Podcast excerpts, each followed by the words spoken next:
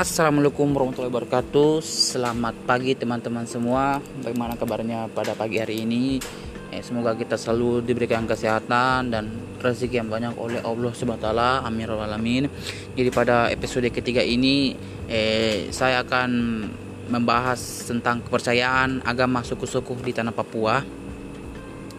Eh, Jadi eh, lebih jauh sebelum masuknya ajaran Kristen dan Islam masuk ke tanah Papua Tiap suku bangsa di tanah Papua mempunyai sistem kepercayaan tradisi. Masing-masing suku memiliki kepercayaan tradisi yang percaya akan adanya satu dewa atau Tuhan yang berkuasa atas dewa-dewa. Begitu pula pendapat yang dikutip Jubi dari buku berjudul Perspektif Budaya Papua yang disunting oleh antropologi Dr. Agipitus Ezebio Lumatubun dari jurusan Antropologi Fisip Universitas Cendrawasih. Lebih lanjut, Duma Tubuh menjelaskan misalnya pada orang biak Nunfor menyebut dewa tertinggi mereka Mansere Nanggi. Tak heran kalau zaman dulu orang biak melakukan upacara bagi Mansere Nanggi agar panen dan hasil tangkapan ikan terus melimpah. Begitu pula dengan orang Moi di Kepala Burung, Papua Barat menyebut Fun Nah. Orang Seget memanggil dan menyebut Nanggini. Orang-orang Wandemen di Kabupaten Teluk Wandomah Papua Barat menyebut Tuhan mereka dengan nama Shen Allah. Orang Malin Anim di selatan Papua memanggil Dema, sedangkan orang Asmat menyebut Alawi.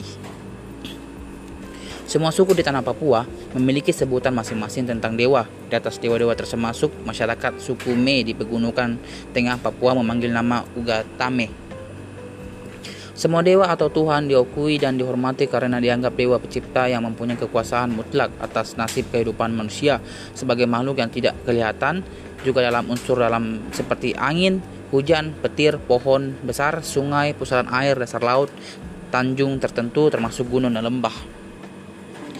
Kekuatan-kekuatan alam itu diajak dan dibujuk untuk melindungi manusia dengan pemberian sesaji dan upacara-upacara sesaji. Misalnya orang biak zaman dulu memberikan makan pada Nanggi atau War Bevan Faro Nanggi. Upacara ini dilakukan saat panen dan hasil tangkapan yang melimpah, termasuk meminta agar warga mendapat perlindungan dari keganasan alam seperti gempa atau angin, angin ribut. Upacara-upacara adat dalam suku-suku dan sistem kepercayaan tradisi sudah tidak lagi berlangsung secara rutin sejak orang Papua mulai memeluk agama Islam dan Kristen Katolik. Walaupun demikian, dalam menghadapi persoalan maupun tentang tentang yang menimpa manusia di Papua seperti kecelakaan, sakit dan mati, ternyata masih ada orang Papua yang mencari jawaban melalui kepercayaan tradisi mereka masing-masing. Antropologi Dr. J.R. Mansobon yang mengambil dokter dari Universitas Leiden negeri Belanda menyebut agama besar seperti Islam dan Kristen masuk ke tanah Papua dengan periode yang berbeda-beda. Agama besar pertama yang masuk di Papua yaitu agama Islam yang di, di daerah Raja Ampat dan Fakfak, Papua Barat. Agama Islam berasal dari Kepulauan Maluku dan dibesarkan melalui hubungan perdagangan yang terjadi di kedua daerah tersebut.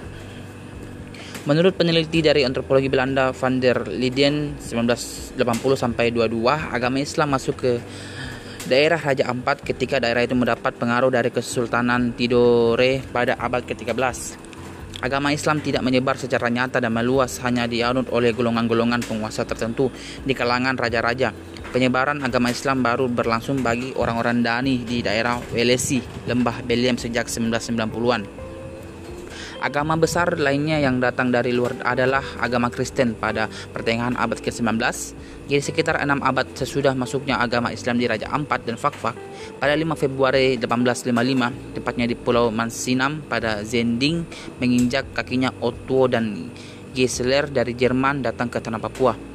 Geisler selama 14 tahun di Mansinman, Kabupaten Manokwari, Papua Barat sejak 1855 sampai dengan 1870 kemudian dilanjutkan oleh Ulstretz Zending Frening atau Uzifim yang tiba di Mensiman pada 1862 selanjutnya aliran Pentekostan Bethel di Sorong 1950 1930 Christian and Missionary Alliance atau CMA di Enarotoli Paniai Ajamaru 1952 dan gereja Protestan Maluku di Fakfak.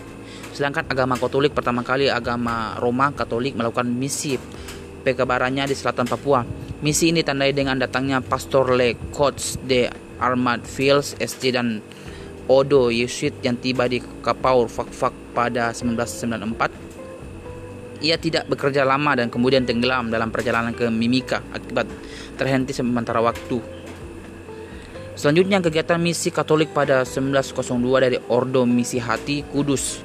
Misionarisen van Het Hart dari negeri Belanda dari perwakilan yang berkedudukan di Langguru Kepulauan Kei mendapat mandate untuk menyebaran agama Katolik di selatan Papua.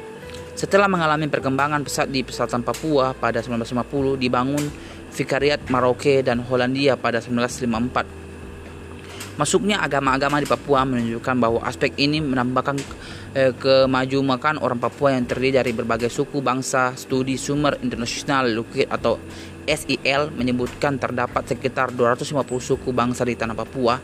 Di sisi lain, masuknya agama-agama tanah Papua membuat keberabatan dan golongan suku semakin menjemuk dalam umat kepercayaan dan semakin beragama eh, mungkin itu si penjelasan dari saya tentang eh, bagaimana masuknya eh, agama-agama ke tanah Papua. Mungkin itu saja dari saya. Eh, sampai ketemu di episode yang lainnya. Eh, Assalamualaikum warahmatullahi wabarakatuh.